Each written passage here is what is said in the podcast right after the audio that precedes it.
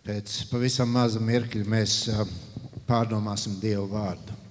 Un šodien to darīsim kopā ar Latvijas Baptistu draugu savienības biskupu Kasparu Šternu. Es domāju, ka pirmo reizi viņš sēdienas dievkalpojumā ir Vīlāns draudzē. Un, protams, pirmo reizi kā biskups. Mēs viņu, protams, mīļi sveicam mūsu vidū. Bet uh, mēs varam atvērt Dievu vārdu un lasīsim to kopā. Pēc tam arī biskups par šiem vārdiem domās. Pirmā vēstule korintiešiem, trešā nodaļa. Pirmā vēstule korintiešiem, trešā nodaļa, no 5. līdz 17. pantam. Kas ir Apols un kas ir Pāvils? tikai kalpotāji, kas jūs veduši pie ticības. Katrs tā, kā kungs viņam ir uzticējis. Es iestādīju, Apols aplaistīja, bet Dievs audzēja. Tā kā nedz stādītājs ir kaut kas, nedz laistītājs, bet gan Dievs, kas audzē. Bet stādītājs un laistītājs abi dara vienu darbu bet algu katrs saņems pēc savām pūlēm.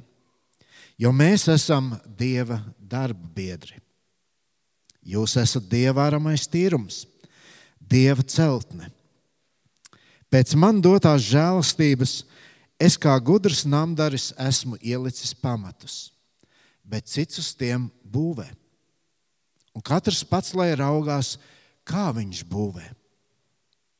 Citu pamatu neviens nevar likt kā to, kas jau likts, un tas ir Jēzus Kristus.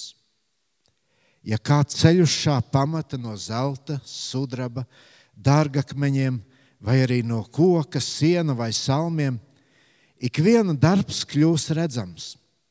Tā diena to parādīs, jo tas tiks atklāts ugunī, un kāds ik viena darbs būs bijis to uguns pārbaudīs. Ja kāda darbs, ko tas uzcēlis, paliks, viņš saņems algu. Ja kāda darbs sadegs, viņš cietīs, tomēr tiks izglābts, bet kā caur uguni. Vai jūs nezināt, ka esat Dieva templis un ka Dieva gars jūsos mājo? Ja kāds Dieva templi posta, to Dievs izpostīs. Jo Dieva templis ir svēts, un tie esat jūs. Tie bija svēto rakstu vārdi. Amen. Sveicu jūs arī visus šajā īpašajā dienā. Man jāsaka, tā, ka šī nav pirmā reize, kad es esmu dievkalpojumā, Vīlāns draudzē, bet es atzīšos, tas bija ļoti sen kad es šeit biju. Tad es vēl biju jauns, tad es vēl nebiju precējies. Un uh, es pat nezinu, ko es šeit darīju, kāpēc es šeit biju. Bet es noteikti šeit arī nesludināju. Uh, paldies mācītājiem Girtam Ašnevicam par uh, ielūgumu būt pie jums uz dzimšanas dienu. Un man ir tas gods, man ir tā privilēģija jūs sveikt šajā dzimšanas dienā visas Baptistu draugu savienības vārdā. No 91, nu jau 91 Baptistu draugas. Jūsu draugs svin 24 gadus. Un, nu, jāsaka tā, ka jūs esat viena no jaunākajām draudzēm Baptistu Savienībā. Un mums ir tik dažādas draudzes. Mums ir draudzes, kam ir mēs rudenī nosvinējām 140 gadus. Ir pat vairāk kā 150 gadi. Un tas ir liels vēsturisks mantojums Un eh, tā ir liela svētība, bet mums ir arī liels prieks par to, ka mūsu savienībā var būt arī jaunas draudzes. Vīlāns draugs mēs varētu salīdzināt ar tādu pusaudzi, 24 gadi. Tas nozīmē to, ka kaut kāda pieredze ir, un tomēr vēl ir, kur augt, un vēl ir, kur iet un tiekties uz priekšu. Dzimšanas dienā mēs, mēs saņemam dāvanas, un mēs citiem pasniedzam dāvanas dzimšanas dienā. Ja es domāju par saviem bērniem, man ir trīs dēli, vienam ir astoņi, vienam desmit, vienam četri gadi. Tad eh, pēdējā laikā īpaši maniem diviem vecākiem dēliem kaut kas ļoti patīk, ko viņi grib saņemt dzimšanas dienā. Viņi vispār ļoti daudz ko grib saņemt. bet ir, ir kā dāvana, ko viņi pēdējā laikā, par ko viņi ir īpaši iemīlējuši un ko viņi grib ne tikai, lai viņam uzdāvina dzimšanas dienā, bet lai katru otro dienu nopērk. Un eh, par cik viņiem ļoti patīk futbols, tad viņi, ļoti, viņiem, viņi kolekcionē tādas futbolistu kartiņas. Un varbūt esat kaut kur tāds redzējuši, varbūt jūs saviem bērniem tādas arī pērkat, varbūt paši tādas esat pirkuši. Nu, tā ir futbolistu kartiņa, pasaules slaveni futbolisti, kur ir viņu portrets, viņu profils, un tad tur ir tādi dažādi cipariņi, cik viņš ir labs uzbrukumā, cik labs viņš ir aizsardzībā, cik labs viņš ir kā pusargs. Un ko dara mani dēli? Viņi salīdzina. Viņi salīdzina un reizēm pat strīdās, kurš no tiem futbolistiem ir labākais.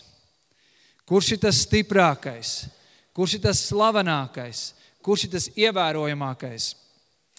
Un reizēm ir jāatzīst, tā strīdēšanās notiek arī uh, fiziskā veidā, kur viņi mēģina nokārtot attiecības. Diezgan tā, viņi ļoti grib iestāties par to principu, ka manējais, mana kārtiņa, mans futbolists, viņš ir labākais. Tad, kad mēs lasām šo raksturvietu, ko, ko mācītājs jau lasīja, Arī liekas, ka šī Korintas draudzene kaut kur salīdzina dažādas kartiņas. Un kāds saka šajā Korintas draudzē, kurš tad ir pats svarīgākais? Kurš ir pats labākais draudzē? Kāds saka, kurš ir pats labākais, kurš ir pats svarīgākais? Tas noteikti ir Apols. Kāpēc Apols? Tāpēc, ka Apols bija ļoti inteliģents, ļoti gudrs, viņš ļoti labi mācīja runāt uz cilvēkiem. Kāda Korintas draudzē teica, nē, nē, Apols viņš pārāk sarežģīti runā. Nē, tas ir Pāvils. Pāvils ir mūsu pirmais mācītājs. Viņš bija tas, kas nodibināja šo draugu. Viņš bija tas, kas man pastāstīja par Kristu. Viņš ir pats labākais, viņš ir pats svarīgākais. Kāds saka, nē, nē, nē, pats svarīgākais ir biskups. Viņš ir pats galvenais. Un tas ir Pēters, tas ir Kēfa, kurš bija visas kristīgās draudzes un kristīgās baznīcas pati galva. Pēters jeb Kēfa. Un tad, protams, starp viņiem visiem ir šie garīgie, kas saka, nē, nē, kurš ir galvenais? Kristus. Jēzus Kristus ir galvenais. Un šī draudzene uzvedās kā mazi bērni, kur Pāvils arī trešās nodaļas sākumā par to saka. Jūs uzvedaties kā nenobrieduši kā mazi bērni, kas salīdzina, kurš ir svarīgākais, kurš ir galvenais. Bet ir jāatzīst, ka tas jau notiek ne tikai Korintas draudzē, tur pirms daudziem gadiem. Reizēm tas notiek arī šodien, draudzē. Kurš draudzē ir svarīgākais? Kurš ir tas pats galvenais? Kurš ir tas pats labākais? Kurš ir tas, kur šo draugu ceļ. Un atbildot uz šo, šo jautājumu un uz šiem strīdiem, uz šo nesaskaņu Korintas draudzē, Pāvils uzraksta vēstuli. Viņš uzraksta vēstuli korintiešiem, korintas kristiešiem, kurus viņš ļoti mīl. Un ko viņš saka? Viņš, viņš mēģina paskaidrot un parādīt to, ka nav viens svarīgāks cilvēks draudzē. Ikvienam ir bijusi sava loma un sava nozīme. Šajā draudzē nu, jums oficiāli ir viens mācītājs, bet cik es saprotu, drīz būs jums jau oficiāli licencēti garīdznieki, bet jums ir brāļi, kas kalpo. Un tur arī varētu parādīties, nu, kurš ir labāks. Salīdzināsim. Es pieņemu, ka jūs visi esat ļoti labi un jauki, un jūs mīlat visus savus mācītājus. Un reizēm tas var mūsos iezakties. Un tad Pāvils, ko viņš salīdzina? Viņš salīdzina, mēs varam redzēt, draugs var salīdzināt dažādi, bet Pāvils salīdzina draugu gan kā aramo tīrumu, bet tad vēl, ja mēs paskatāmies tālāk, Pāvils salīdzina draugu ar celtni, ar mājas celtniecību. Un Pāvils saka, ka katram pie tās draudzes celtniecības ir bijusi sava loma un sava nozīme. Un tas, ko vēl Pāvils grib parādīt, ne tikai tas, ka katram ir sava nozīme, bet draudzene ir kā celtne, kā māja, kā ēka. kura joprojām tiek celta, kura joprojām tiek uzlabota, papildināta, būvēta, lai tā būtu tāda celtne, kas nestu Dievam par godu. Un tādēļ tas jautājums, un tas, ko tālāk Pāvils drīzāk saka, nevis salīdzini, nevis mēģini izlekt, kurš ir svarīgākais, kurš ir lielākais. Ik viens cilvēks, jūs ik viens šajā draudzē esat svarīgs. Tā vietā, tā vietā būtu jāuzdod pilnīgi citi jautājumi, kas padarītu šo draugu stipru un stabilu. Pirmkārt, ko Pāvils mums kādu jautājumu mums palīdz atbildēt, ir, uz kāda pamata es ceļu šo draugu? Kas ir tas pamats, uz kā es ceļu? Pāvils 11. pantā viņš saka, citu pamatu neviens nevar likt kā tikai to, kas jau ir likts. Un kas ir šis pamats? Šis pamats ir Jēzus Kristus. Mēs zinām, ka labai ēkai ir vajadzīgi labi pamati. Vai jūs zināt, kādi ir pamati šai ēkai? Vai kāds no jums ir kādreiz nogājis, apskatīties, izpētījis, izanalizējis? Droši vien jau ka nē. Bet mums ir paļāvība, ka šai ēkai ir labi pamati.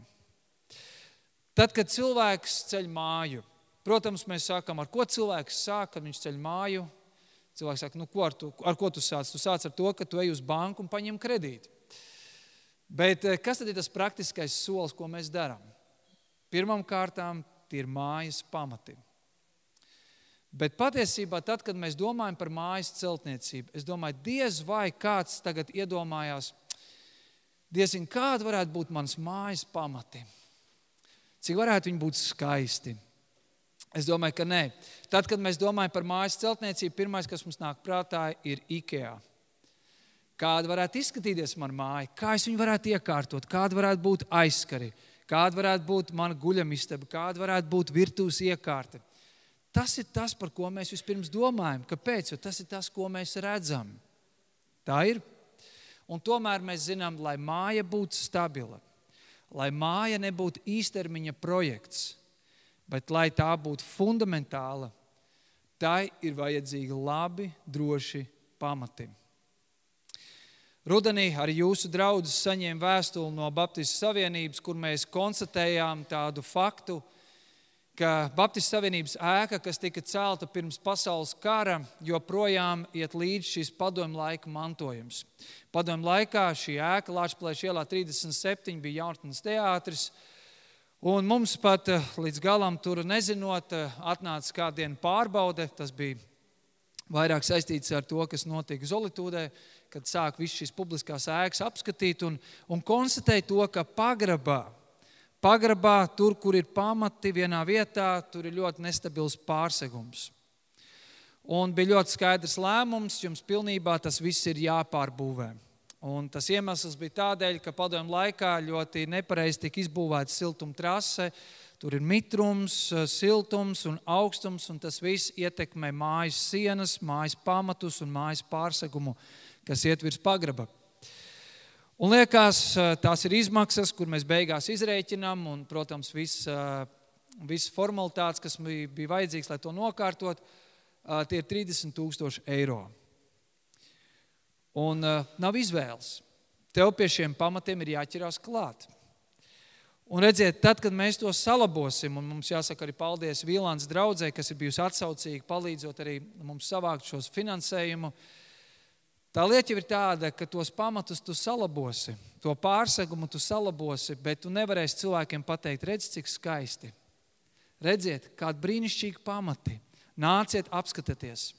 Redziet, pamati ir svarīgi, bet pamatus bieži vien mēs neredzam, nepamanām. Un tādēļ reizēm mēs tam varam nepievērst uzmanību.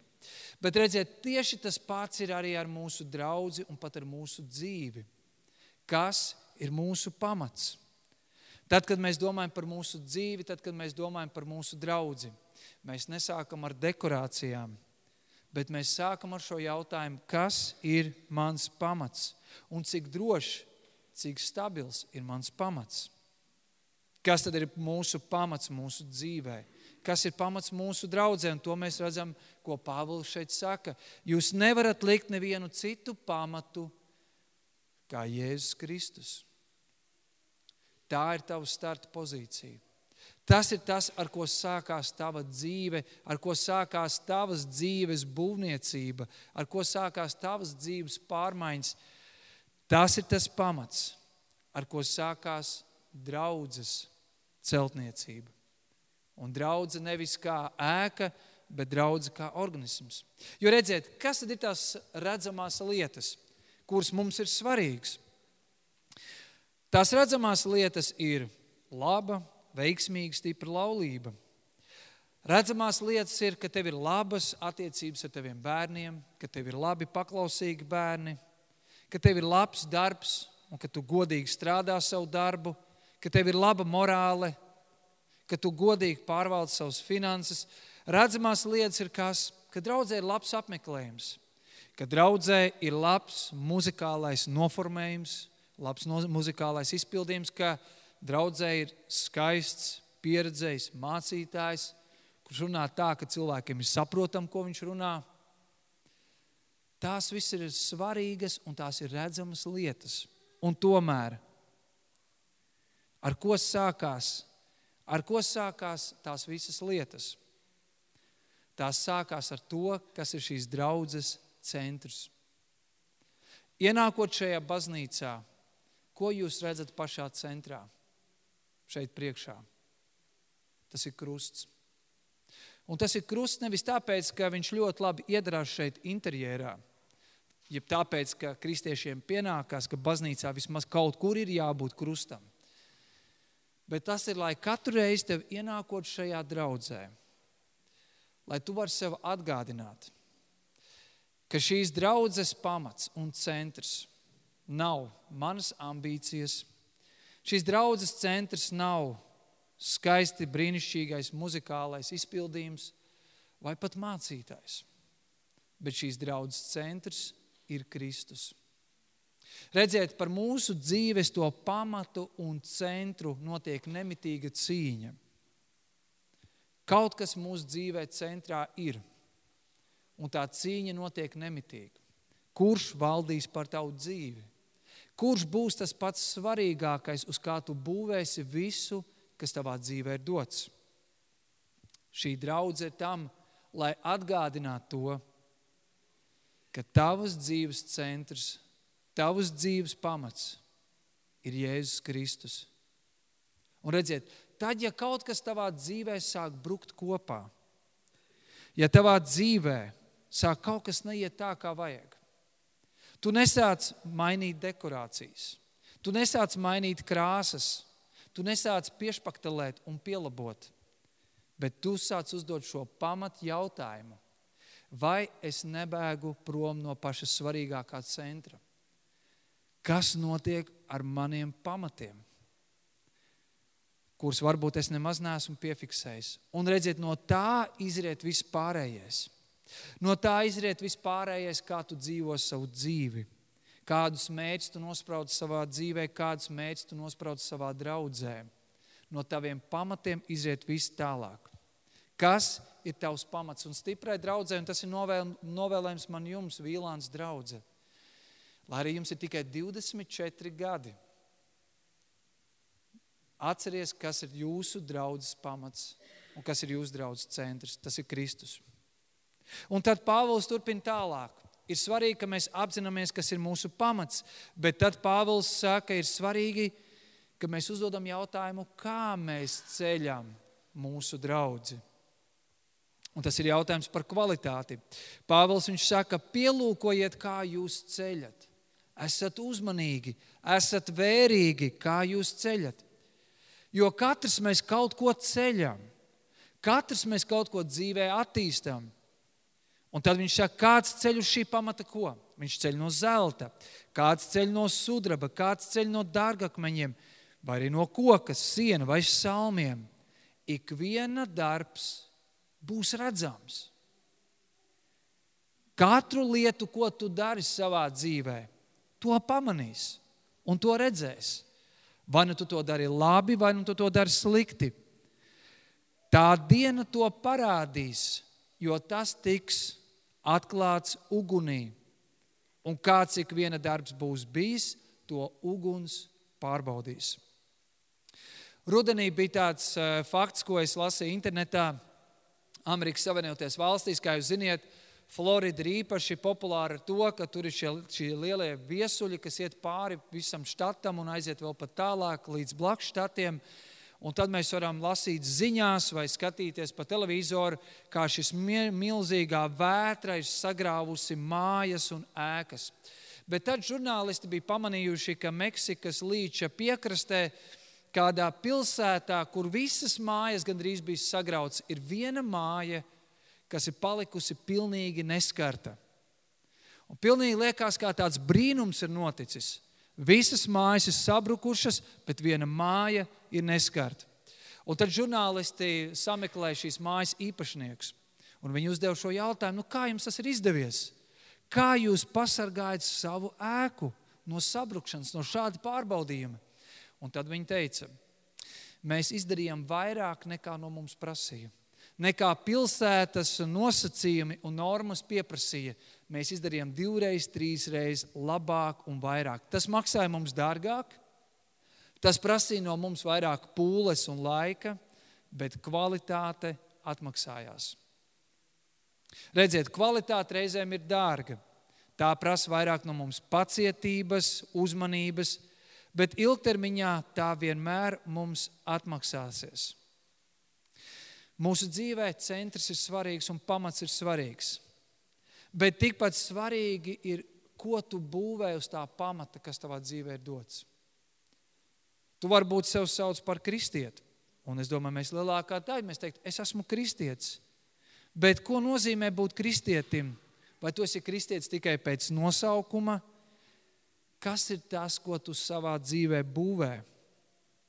Kas ir tas mantojums? Kas ir tas mantojums, ko tu atstāsi tālāk?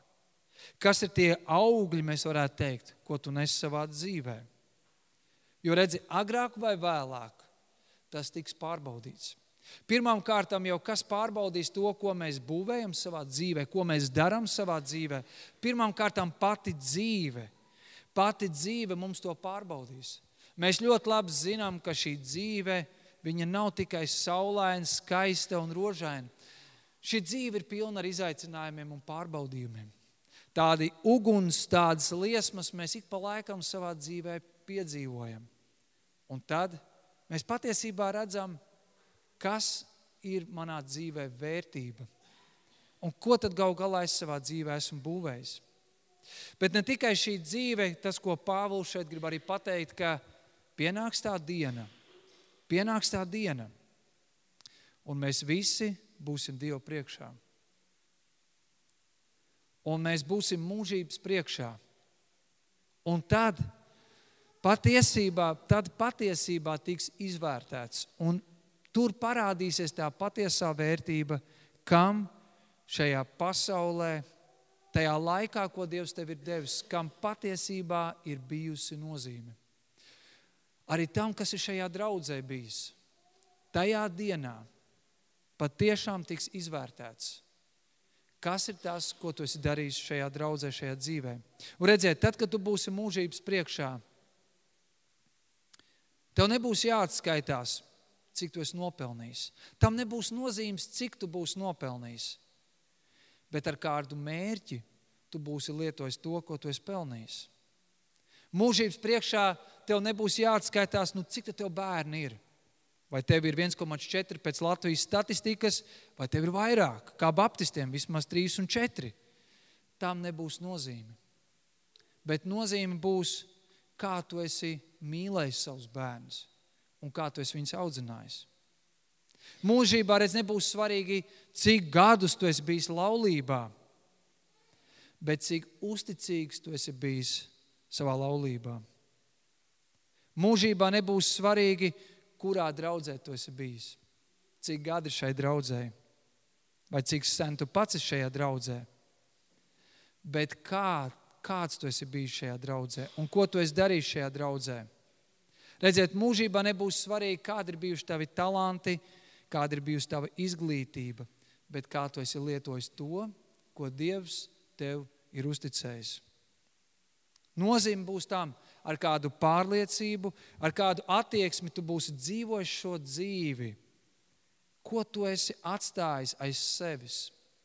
Ko tu esi būvējis?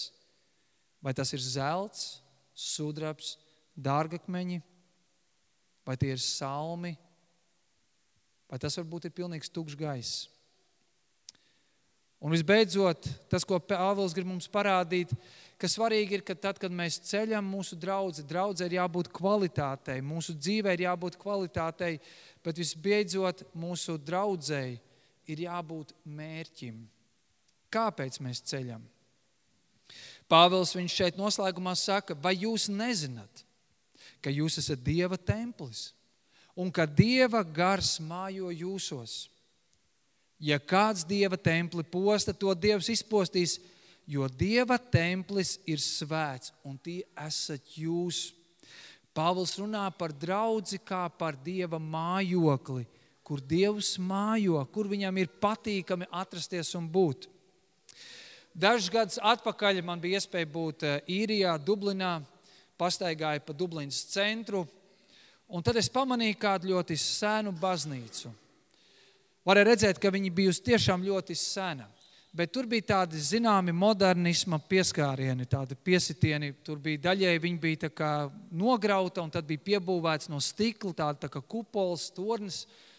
Un tur bija pat tāds liels uzraksts angļu, no angļu valodas eh, tulkojumā draudzene, jeb baznīca. Un mēs ar draugiem domājam, nu, aiziesim, apmeklēsim baznīcu, jo tur bija rakstīts atvērts. Mēs iegājām iekšā, un ko mēs tur redzējām? Tur bija daudz cilvēku. Nu, diezgan pilna baznīca. Bet uh, tur bija pašā centrā bija bāra lete. Un tad es sapratu, to, ka tā ir neparasta baznīca. Un tad pēkšņi pienāca pie manis oficiāls. Un izrādās, ka tā bija baznīca, bet patiesībā tas bija restorāns un bārs ar nosaukumu baznīca. Tā bija ēka, ko mēs varam teikt, joprojām baznīca. Tā bija baznīca pēc nosaukuma, draudzene pēc nosaukuma. Bet tur iekšā vairs nebija tas, dēļ kā šī baznīca tika celta. Ēkai, ēkai nav nozīmes, mājai nav nozīmes, ja tā ir tukša, ja to nevar apdzīvot ja tajā nemājo pats saimnieks. Tad tas ir muzejs. Tad tas ir muzejs, jeb kāds labs vēsturisks eksponāts. Un, diemžēl Eiropā tā ir realitāte, tā ir statistika, kur daudzas, daudzas baznīcas kļūst kā vēsturisks eksponāts. Vai nu viņas pārveido par muzejiem, vai viņas pārveido par kafejnīcām, restorāniem vai par viesnīcām. Tā ir realitāte šodien Eiropā. Redziet, draudzene var būt kā vēsturisks eksponāts, kur mēs varam teikt, jā, tur bija tie laiki. Tur bija tas, kas kādreiz notika. Vai arī draudzene var kļūt par mājām, kur pats Dievs var mājot.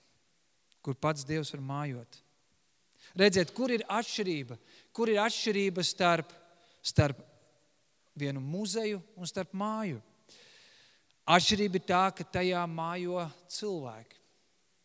Un tajā ir cilvēki, kas uzņemās identitāti, kas uzņemās atbildību, kas rūpējas par to, lai būtu šīs mājas identitāte, lai būtu mājas drošība. Redziet, stipra draudzene ir tā, kurā ir cilvēki, kuri ne tikai vēlas saņemt, bet tajā ir cilvēki, kuri vēlas uzņemties atbildību un rūpēties par to. Manā ģimenē tā ir tā atšķirība. Māja, jeb dzīvoklis, kurā mēs dzīvojam, tas pieder mums, un es ar savu sievu mēs esam tās dzīvokļa īpašnieki. Un kāda ir atšķirība starp mani un starp maniem dēliem? Viņi vēl ir mazi, un viņiem liekas, ka viss viņiem pienākās. Ka viņi atnāk mājās, viņiem liekas, viss ir pašsaprotams. Māja ir tīra, ēdiens ir pagatavots, trauki ir nomazgāti, gulta ir saklāta, viss liekas, viņiem viss ir dots. Un tā ir atšķirība starp pieaugušu cilvēku un starp bērnu. Bērnā vēl nav šīs atbildības sajūtas. Jā, mēs viņiem mācām rūpēties par savu vidi, mēs viņiem mācām rūpēties par savu istabu, mēs viņiem mācām arī novākt galdu pēc ēdiena, eh, ielikt augstu traukmašīnā un tā tālāk. Un tomēr viņi vēl mācās tajā, jo viņi vēl ir bērni. Un tā ir atšķirība starp nobriedušu kristieti un starp kristieti, kurš vēl ir kā bērns. Nobriedz kristietis ir tas, kurš nevis norāda uz citiem, kurš gaida uz citiem, bet kurš saka, ko es varu darīt, lai šo namu veidotu, lai šo namu celtu, lai turpinātu to, lai tas varētu kļūt par namu, lai draudzene var kļūt par vietu, kur pats Dievs var mājot. Jo patiesībā, ja jūs piefiksētu šajā rakstvietā, kas ir interesanti, tad Pāvils saka, jo jūs esat Dieva templis.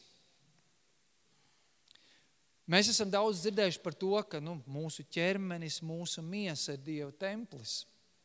Bet šeit Pāvils pasaka, jūs kopā, jūs kopā esat Dieva templis.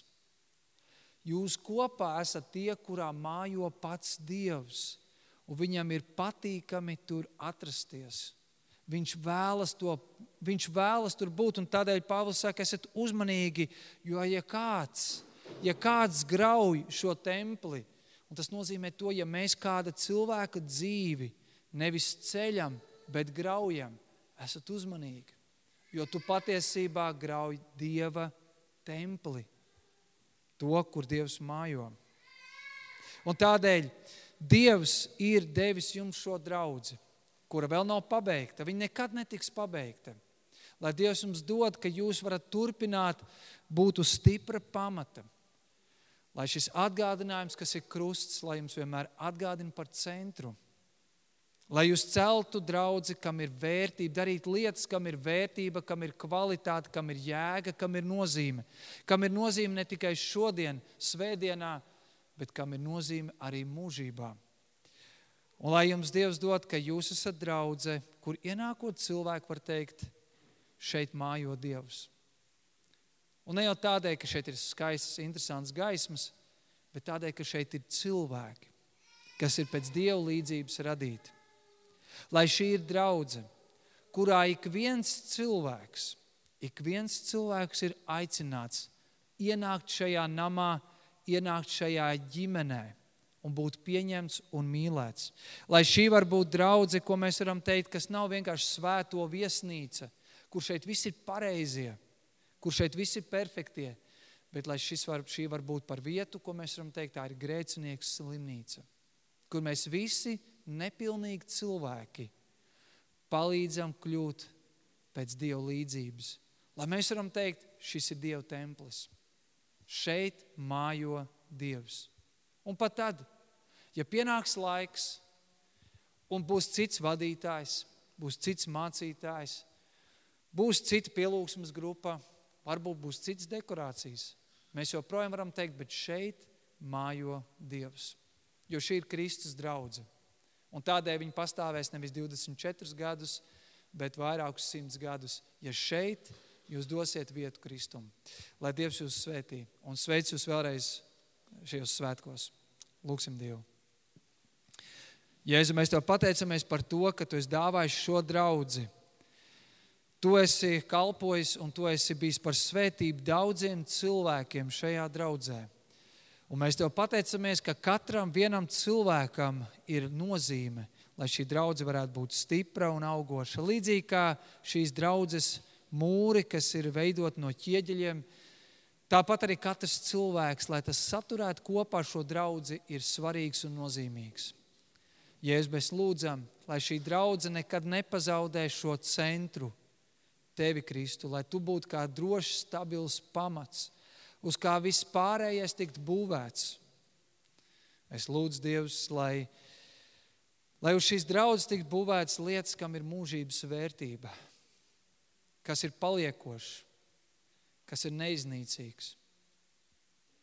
Mēs Dievs lūdzam, lai šī ir draudzene, kur tu vari mājot, un kur katrs cilvēks var būt piederīgs, kur katrs cilvēks atspoguļo tevi, nes tavu līdzību. Un kopā esot rada šo perfekto attēlu, kas esi tu, Jēzus Kristu. Svētī, kungs, lai šī draudzene var būt par svētību šai apkārtējai videi, cilvēkiem, kas šeit dzīvo Rīgā, un vēl varbūt pat tālāk, citās pārējās vietās, lai šajā draudzē cilvēku dzīves var tikt izmainīts, lai šeit cilvēku mūžība izšķirās. Mēs lūdzam svētību bagātīgi šīs draudzes vadītājs, mācītājs, ganus, un Dievs svētī arī to pašu vienkāršāko cilvēku kurš šeit ir atnācis un vēlas dot no sava paša labākā. To es lūdzu Kristus vārdā. Āmen!